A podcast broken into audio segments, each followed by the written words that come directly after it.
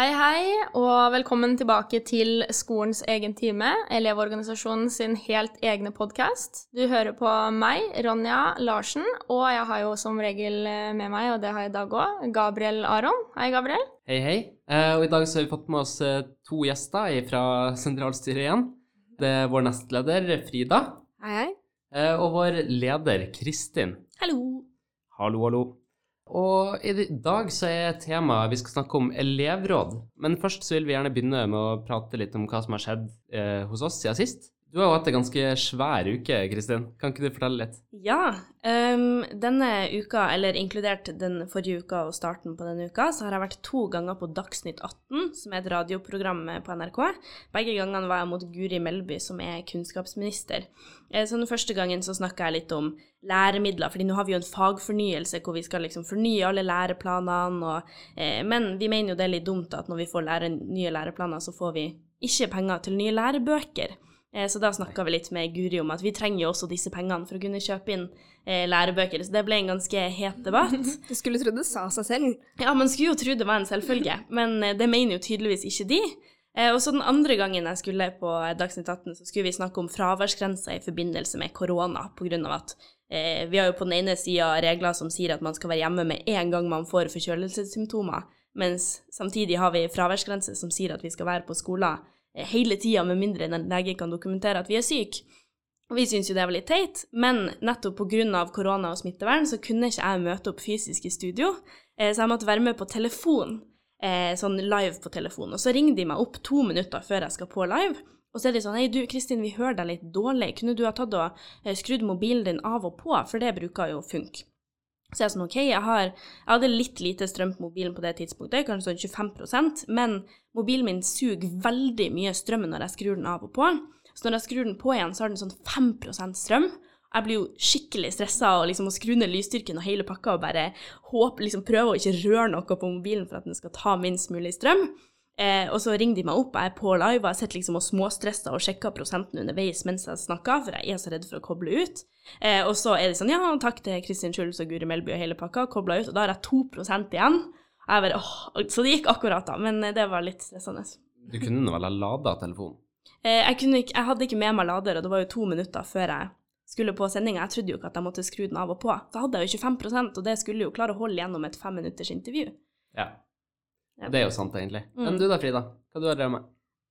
Jeg har uh, vært i møte med Kristin uh, på Utdanningsdirektoratet. Uh, vi snakka om gjenåpning av skoler, fordi det var forrige uke. det var Det høres sykt kjedelig ut. det var helt ok. det var ikke kjempespennende akkurat, men ja.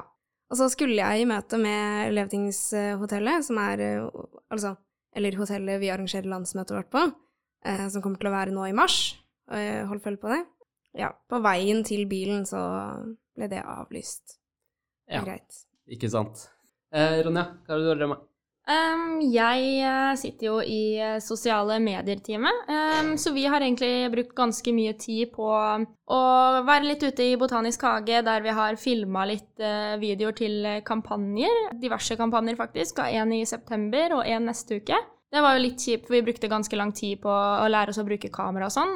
For helt nytt kamera. Kom ut, brukte to timer og 45 minutter på å filme. Skulle jeg redigere det dagen etterpå, og da hadde ikke mikrofonen vært kobla i. Eh, så det var det ikke lyd på. Så da var det ut og filme alt en gang til. Så det var litt kjipt, men vi har filma det nå og planlagt, så nå blir det kampanjer. Eh, og til forskjell fra alle de andre her, så har ikke jeg vært i noen sånne krisesituasjoner.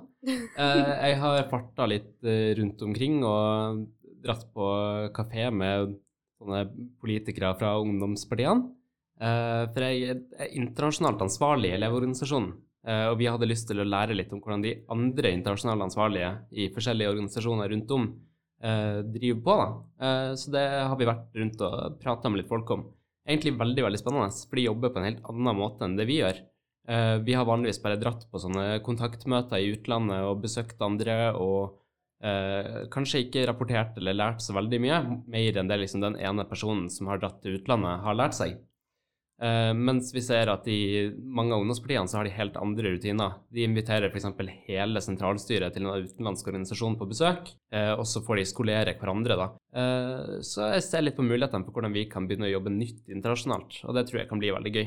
Mm. Men vi har også fått inn et spørsmål siden sist, for første gang. Eh, For første gang i andre episode. ja, det er ganske rått, egentlig. Men hvis noen andre har lyst til å sende inn et spørsmål, så er det bare å sende en eh, DM på Instagram eller TikTok eller hva det er du bruker. Eh, eventuelt sende en mail til eh, podkast.elev.no. Eh, vi har eh, fått inn et spørsmål fra ei som heter Emma, som vi fikk på DM på Instagram. Og hun lurer litt på hvordan man kan engasjere seg som ungdomsskoleelev. For det kan jo være litt vanskelig å, å vite hvordan du skal engasjere deg, både av at det, det er litt vanskelig å vite hvilke kanaler du skal engasjere deg eh, i, men også fordi at det man gjerne ofte opplever at man ikke blir tatt så veldig seriøst og sånn, av at man er veldig ung. Um, så hun lurer veldig på uh, hvordan man kan engasjere seg som ungdomsskoleelev. Ja, eh, og nå er vi jo i en podkast av Elevorganisasjonen, så jeg tenker jo kanskje det mest naturlige her er jo å si rett ut altså ja, du kan bli tillitsvalgt i Elevorganisasjonen eller dra på møter med oss. Eh, Jeg blir jo selv tillitsvalgt på ungdomsskolen, eh, men det er jo mange andre måter man kan gjøre det på òg. Ja, eh, man kan blant annet være med i elevrådet, som er ja, litt det vi kommer til å snakke om i dag. Eller så kan man engasjere seg veldig mye i klassens egen time, som de fleste har. Noen kaller det kontaktmøte, noen kaller det masse, masse, masse rart. Altså, det er jo derfor vi har klassens egen time. Det er jo hovedsakelig sånn at elevene faktisk kan uttrykke om det er noe på skolen sin, da. Men dessverre så er det mange som ikke har klassens egen time, i alle fall ikke Ja. jevnlig nok. Mm. Eh, Så jeg mm. tenker at en start der kan jo være å stille krav til eh, både lærere og til ledelsen på skolen om at man må få tid til å snakke med klassen sin. Ja. Det tenker jeg kan være ganske naturlig, i alle fall. Og på ungdomsskolen så er det jo også mulig som enkeltelev å ta kontakt med ledelsen, eller send, liksom ta et møte med rektor, ta opp problemer du, du ser. Det er ingenting som begrenser deg for å gjøre det, men folk sier at man, det er større sjanser at man får gjennomslag hvis man faktisk har med seg elevråd eller flere elever på skolen. Men det vi ofte merker med ungdomsskole, i motsetning til videregående, er at det er veldig varierende hvor godt elevdemokrati folk har. Em, så noen har veldig aktive elevråd som har møter kjempemye. Alle klasser har klassens egen time. Ledelsen har faste møter med dem, hører masse med dem. Eh, mens andre skoler har nesten ingenting. Og vi så spesielt under korona, eh, når skolen stengte ned i vår, hvor lett det var for enkelte skoler å bare skyve bort elevrådet og elevdemokratiet. Eh, at når vi fikk litt mye på fatet, så var det ikke så viktig allikevel. Og det er jo en holdning som vi syns er veldig kjip i ungdomsskolen, så vi jobber aktivt med å prøve å, å få bort, da. Ja, eh, over fra litt sånne kjipe ting til kanskje litt mer positivt, så har man jo også en del sånne samarbeidsutvalg og andre måter man kan samarbeide eh, med i skolen, da. Eh, Blant annet på ungdomsskolen så har man jo både samarbeidsutvalg og skolemiljøutvalg, Mm. der elevene skal ha en plass. Ja. Og det er jo måter man kan engasjere seg i, enten det er for å få bedre luft i klasserommet, eller om du bare har lyst til å være med og bestemme hvordan skolen styres. Mm, ja, absolutt. Eh, så på grunnskolen så har man rett til å sitte i skolemiljøutvalget, og man har rett til å ha et elevråd med en leder og alt det her. Mens på videregående så er det ganske mange retter man har rundt disse utvalgene som veldig få egentlig vet om. Eh, sånn som på videregående så har man rett til å ha minst to representanter i det som kalles skoleutvalget. Eh, og det er det fylkeskommunen som oftest bruker å si er styret på skolen. Altså det er noe mange bruker å kalle ledelsen også. Eh, Så styret på skolen, der skal man ha minst to representanter. Og hvis eh, kommunen eller noe sånt velger å oppnevne et annet styre eh, som det offisielle styret for skolen, så har man rett til å ha to plasser i det utvalget også. Eh, så man skal alltid på videregående ha minst to elevrepresentanter i det som er styret på skolen. Og det er det jo kjempefå folk som har. Eh, og så har vi også skolemiljøutvalg. Og det som er veldig artig med videregående, er at i skolemiljøutvalget skal det være, um, en, um, det skal være flere elever enn det er andre representanter i styret. Um, men veldig mange bruker å slå sammen dette skoleutvalget, som er som oftest styret, og skolemiljøutvalget, og kjøre det litt i lag. Uh, og det som er artig da, er at hvis noen gjør det, så skal fortsatt elevene være i flertall. Som vil si at hvis styret og skolemiljøutvalget er det samme, så skal elevene ha flere representanter enn resten av ledelsen. Og det er veldig kult. altså Vi burde jo nesten kjempe for at eh, skoleutvalgene og skolemiljøutvalgene skal slå seg i lag for at elevene skal få så mye stemme som mulig. Så det er veldig artig. Mm. Eh, men der lurer jeg på litt ting. Det kan være at du ikke kan svare på det, egentlig. Eh, men på ungdomsskolen så hadde vi òg et sånn samarbeidsutvalg og et skolemiljøutvalg, for så vidt slått sammen, der vi satt da tre elevrepresentanter. Men er det like krav der? Nei, der er det bare krav om at elevene skal være representert, og så er det kommunen sjøl, hvis jeg har forstått rett, som bruker å definere hvor mange elevplasser det skal være. Så som ofte så tror jeg bare det bruker å være kanskje sånn én til tre eh, mm. som kommer fra elevrådet. Jeg satt også i skolemiljøutvalg da jeg gikk på ungdomsskolen, da var det kun meg eh, som var elevrepresentant der. Eh, så det, det, varierer veldig. Mens på videregående er det mye mer konkretisert. Eh, men så sier de jo også at på grunnskolen så har man jo foreldreplasser. Fordi grunnskolen skal ikke kun være 8. til 10. klasse alltid, men det kan også være barneskoleelevene. Mm. Eh, og da har de oftere foreldre som representerer dem. Nei, vi hadde både foreldrerepresentant og elevrepresentant inn i det som ja. var samarbeidsutvalget da, eh, på mm. skolen. Mm. Ja. Eh, så der var det jo Vi var godt representert da, vi var tre stykker. Ja, det var kjempebra. Ja, jeg følte det funka veldig, veldig greit, i alle fall. Mm. Um, men ja, over litt fra det spørsmålet som vi har fått nå, også til det vi skal snakke om i dag, egentlig. Og det er jo elevråd, det traff jo ganske godt. Um, men du har jo sjekka litt opp om elevråd, Ronja, og litt sånn historien til elevrådet? Ja, uh, det har jeg. Uh, sjekka opp uh, på en veldig kul måte, faktisk. Drev og googla litt og sånn, og så fant jeg en bok som hadde blitt skanna inn og lagt online, som var stempla fra et bibliotek et sted i Agder i 1984. Eh, som man kunne sitte og, og bla gjennom og sånn, og lese eh, historien om eh, elevråda fra eh, slutten av første verdenskrig og igjennom mellomkrigstida. Um, så der leste jeg litt. Grann. Det var litt uh, kult og sånn. Um, så det første elevrådet det ble etablert uh, på Hartvig Nissens pikeskole, som kanskje de fleste kjenner som Skamskolen. Um, den 6. mars i 1919. Uh, så i fjor så var det jo 100 år siden det første elevrådet ble etablert, så det er ganske kult. Uh, og det var rett og slett en rektor, han het Melby. Uh, det var han som innførte det. Og med en gang første verdenskrig ble ferdig, så ble det veldig mye tanker om oppdragelse og undervisning, og det førte til en viss diskusjon rundt eh, elevselvstyre og elevråd og elevmedvirkning. Eh, så de snakka veldig mye om det i året etterpå, men dessverre, i løpet av mellomkrigstida så var det veldig få som gjorde noe med det, annet enn Hartvig Nissen og noen få, få skoler til.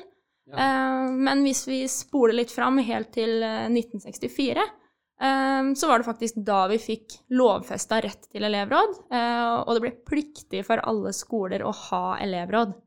Um, så det gikk ganske lang tid fra det første elevrådet ble oppretta og helt til det ble lovfesta. Men i mellomtida der så ble det jo også stifta en uh, elevorganisasjon, mm. eller det som da var Norsk Gymnasiastsamband. Det var vel også ved Hartvig Nissen, er det ikke det? Det var Hartvig Nissen, også tre skoler til, tror jeg, ja. um, som uh, jeg holdt på å si kjente historien, uh, i hvert fall blant oss i gjengen her, som er Eh, at eh, det var noen eh, russeavisredaktører som var skikkelig lei av at skolen deres drev og sensurerte russeavisa deres. Så de samla seg til Norges Gymnasiastsamband, og så ble det senere i 1999. Så ble det til Elevorganisasjonen. Men retten til elevråd, det er jo noe som står oss veldig kjært. Mm. Men hva er det egentlig som er så bra med at man har en rett til elevråd? Det som er så fint i dag, er at vi har ikke bare en rett, man har en plikt til å ha elevråd på alle eh, videregående skoler. Eh, og vi mener jo at det er kjempeviktig at elevene har dette etablerte organet i skolen, eh, hvor man viser at man faktisk tar elevene på alvor, eh, og at man vil at deres stemme skal eh, komme opp til styrene da, gjennom både disse samarbeidsutvalgene, men også gjennom deres eget organ. Eh, og at man da har som oftest representanter fra hver eneste klasse. På grunnskolen så sier man at kommunen bestemmer hvordan man velger elevråd, men det som er normen, er jo at man har en for hver klasse. Eh, og så på videregående så skal det være én elevrådsrepresentant per 20. elev. Mm. Men det er det ikke så mange som praktiserer. De fleste bruker der også å ha en for hver klasse. Eh, men de fleste klasser er jo større enn 20, spesielt på typ studiespesialiserende og, og disse typer linjene. Eh, så hvis det er en klasse med typ 40 elever, selv om det er over det som er liksom tillatt, eh, så kan man da ha to elevrådsrepresentanter. Eventuelt så kan man også ha vedtekter i elevrådet som sier at de restplassene som er igjen av de elevene som da overskrider de 20 for hver klasse, Eh, kan velges på egne måter, eller sånne ting. Uh, der er vi kanskje litt kontrære kontrær på min videregående skole også, for vi hadde jo da slik at studiespesialiserende klassene hadde én ekstra representant. Iallfall hadde vi det helt til VG3, når det plutselig bare ble kutta ut. Jeg vet ikke helt hva som skjedde med de resterende plassene da, men VG1 og VG2 i alle fall, så hadde vi det slik at min klasse hadde to representanter for klassen. Ja, var dere over 40, eller bare fikk dere de restplassene? Jeg tror vi fikk noen sånne uh, utjevningsplasser der. Ja. For da er det jo igjen dilemmaet om at skal man kun gi de til studiespesialiserende, hva skjer da med yrkesfag? Så det er jo det er veldig vanskelig å skulle finne ut hvordan det blir mest rettferdig å ha mm. disse plassene. Jeg lurer på om noen praktiserer det som at de ekstraplassene er det man kaller styre, hvis man velger styre ut fra elevene og ikke fra elevrådet. Ja. Eh, hvis det gir mening. Ja, sånn representasjon i elevrådet syns jeg er litt gøy, fordi jeg gikk jo på en skole hvor um, vi var 1400 elever, uh, med jeg tror totalt fire klasser som var yrkesfagsklasser, som var uh, salg og service. Um, som hadde to klasser per trinn. Ja. Um, så jeg husker jo når vi skulle Vi skulle jo dra på landsmøtet til Elevorganisasjonen, og skulle vi stemme på forhånd uh, hvilke saker vi syntes det var viktigst at Elevorganisasjonen skulle jobbe med. Da hadde vi liksom noen alternativer å stemme over, og så tror jeg vi var eneste skolen på hele Elevtinget som stemte mot uh, den uh, prioriteringen om yrkesfag. Ja, ikke sant. Men det gir jo egentlig veldig mening når dere kommer dit og representerer bare studieelever. Eh, og selv om man kan si at ok, men når man er på Elevtinget, så kanskje man må tenke på alle de andre også, og se det hele bildet. Men jeg syns også det er veldig fint at dere var såpass dere gikk så ned i skolen for å finne ut hva elevene faktisk mente. Og det er veldig kult. For så vidt. Men i, i, disse dager er det jo en liten debatt om hvorvidt vi faktisk skal ha en rett til elevråd. Uh, det er jo kommet et utvalg som uh, Det er vel regjeringa som har satt ned? Ja. Um, det er et utvalg som heter Opplæringslovutvalget. Eh, for vi har jo en opplæringslov i Norge i dag eh, som liksom sier litt om hvordan man skal ha det på skolen. Det er bl.a. der eh, det står at man skal ha disse plassene i skoleutvalget og alt dette. Mm. Det står i opplæringslova. Eh, og nå har de funnet ut at vi skal få en ny opplæringslov, og da har de satt ned et utvalg med jurister og folk som har studert juss, som som bare har sett over opplæringslova, hørt med masse forskjellige folk, og nå kommet ut med ei man kaller den en NOU, Norsk offentlig utredning, som egentlig bare er forslagene deres til den nye opplæringsloven, og de som begrunner hvorfor de har disse forslagene. Um, den var på sånn 800 sider, det var en murstein av ei bok. Jeg fikk den i posten fra departementet. Jeg bestilte den, da fikk jeg den lenge etter at den kom ut, for de var knalltrege med å sende den. Ja. Eh, så jeg fikk den sikkert i eh, juni når jeg flytta til Oslo. Jeg tror jeg fikk den mm. dagen før jeg skulle flytte, liksom. Ja. Jeg hadde bestilt den i april, tror jeg. Så mm. det, det tok en stund å komme fram. Men jeg har aldri vært og henta noe så tungt på posten før. Nei. det var liksom bare svær sånn trekilosbok, liksom. Mm. Ja, den er enorm. Um, og så nå skal de foreslå litt endringer, og så mye av det har ikke så veldig mye å si. Det er mye sånn finpussing og flisespikkeri på sånne små ting man har tenkt på litt lenge, som er litt sånn småirriterende. Um, men det utvalget har foreslått, som vi har irritert oss mest over, det er at de har foreslått å fjerne plikten til å ha elevråd. Um, og grunnen til at de mener at de kan gjøre det på en god måte, fordi de syns at det finnes veldig mange ulike måter å gjennomføre skoledemokrati på, og elevdemokrati.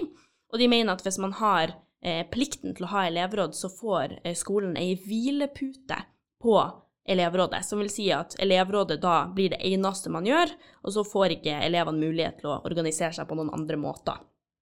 Eh, og det er for så vidt sant at det er mange skoler som lener seg veldig på elevrådet, og som ikke ser på andre måter å gjøre ting på, men lov, liksom den opplæringslova vi har i dag, er ikke så begrensende som utvalget skal ha det til alltid. Um, så vi er jo litt der at vi mener at eh, selv om vi har elevrådet som et organ i skolen, så kan man jo fint se på andre måter å organisere elevrådet på.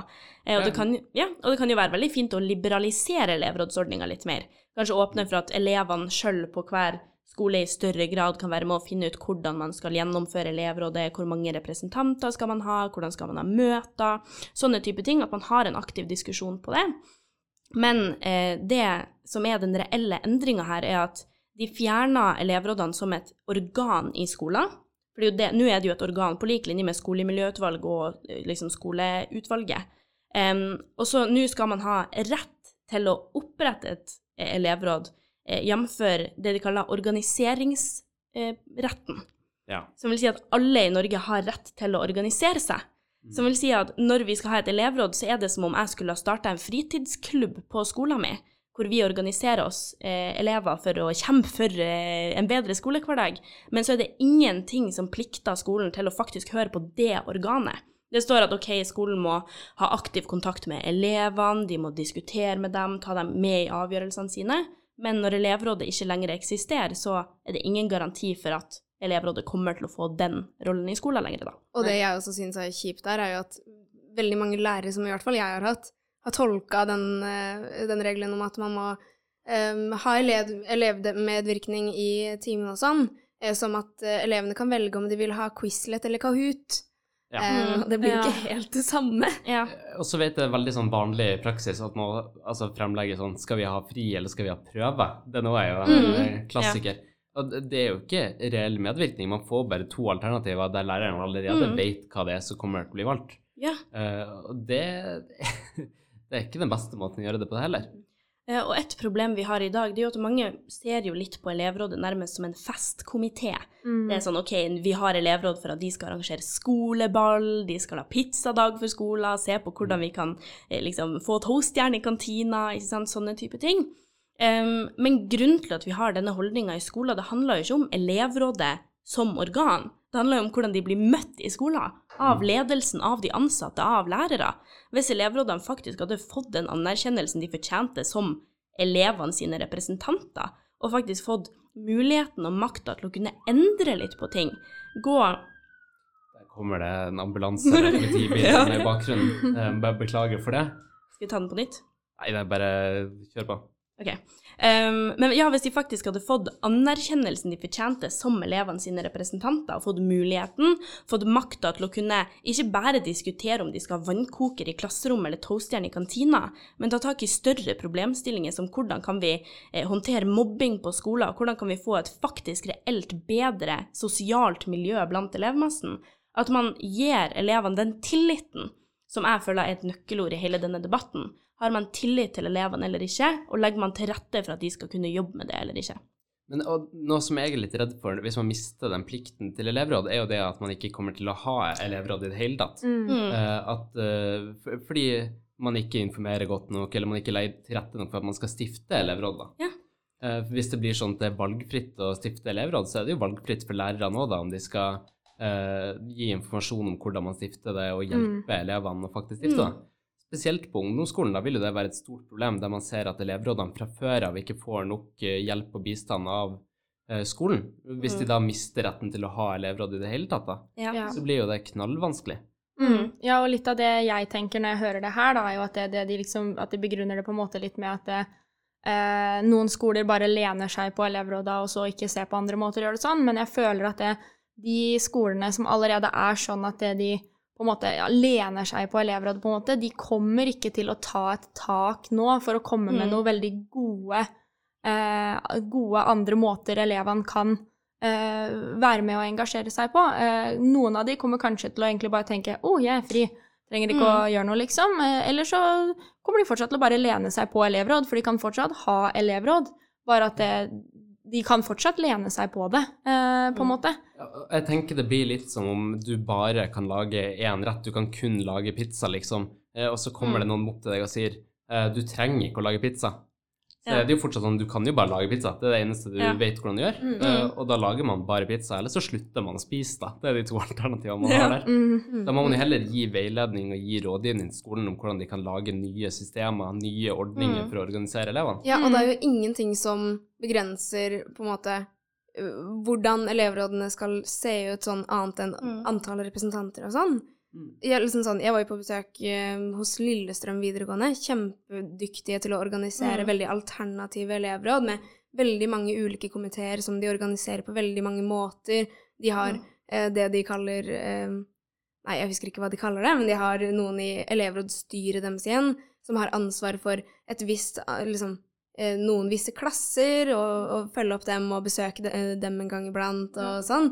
Og det er liksom sånn Altså, det er ikke Mm. sånn at de bryter opplæringslova ved å gjøre det, de bare gjør Ja. noe litt ekstra. Mm. Mm. Og i Sverige så er det litt uh, gøy, for der har man to sånne separate ordninger for elevråd. Uh, man har det som er standard elevråd, som er lovfesta sånn som i Norge. ikke sant? Altså man skal ha en eh, gruppe som skal være liksom eh, elevenes representant inn mot skolen. Eh, men så har man jo da en av våre søsterorganisasjoner i Norden, eh, Sveriges elevkårer, som har kommet med litt sånn eget konsept som heter da elevkårer, eh, der de eh, drar på besøk til skolen, og så hjelper de med å stifte altså tillegg til elevråd, eh, som da er de her festkomiteene egentlig som du prater om. Eller så kan det være idrettsklubber, det kan være liksom hva som helst, men det er et påbygg til elevrådet. eh, og liksom en, en utbredning av tilbudene som elevrådene skal ha, da.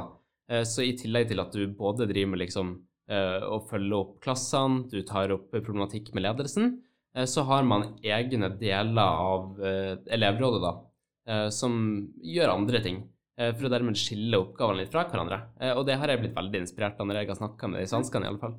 Og det vi merker veldig i denne saken, det er jo det at de aller fleste skoler vil jo fortsatt ha hatt elevråd uansett, for det er jo det de er vant til. Men litt som Ronja var inne på, det vi er bekymra for, er jo de skolene som ikke har veldig veletablerte elevråd, og som ikke har den drivkrafta. Det er bare å møte på én rektor som ikke er keen på å ha elevråd, og så vips, så har vi det ikke. Man blir så avhengig av å ha disse enkeltpersonene som driver frem elevrådet for at det skal komme dit, i stedet for at vi har et system som legger til rette for at elevdemokratiet skal skje. Eh, og det er et veldig viktig prinsipp for oss. Og sånn, vi sier jo, en ting jeg alltid liker å si, er at et lovverk, så da i denne sammenhengen opplæringslova, skal alltid um, ta vare på den svakeste parten. Og i dette tilfellet så er ikke den svakeste parten Lillestrøm videregående, som har kjempegode måter å organisere elevdemokratiet på. De svakeste partene er de som så vidt har et elevråd gående som det er, og det er disse som trenger å ha denne plikten til å ha elevråd. Nå ser jeg at vi begynner å gå mot en slutt her på tida. Eh, og jeg tenker vi kan snakke mer om elevmedvirkning, og kanskje andre måter man kan drive elevmedvirkning enn bare elevråd i en senere episode. Mm.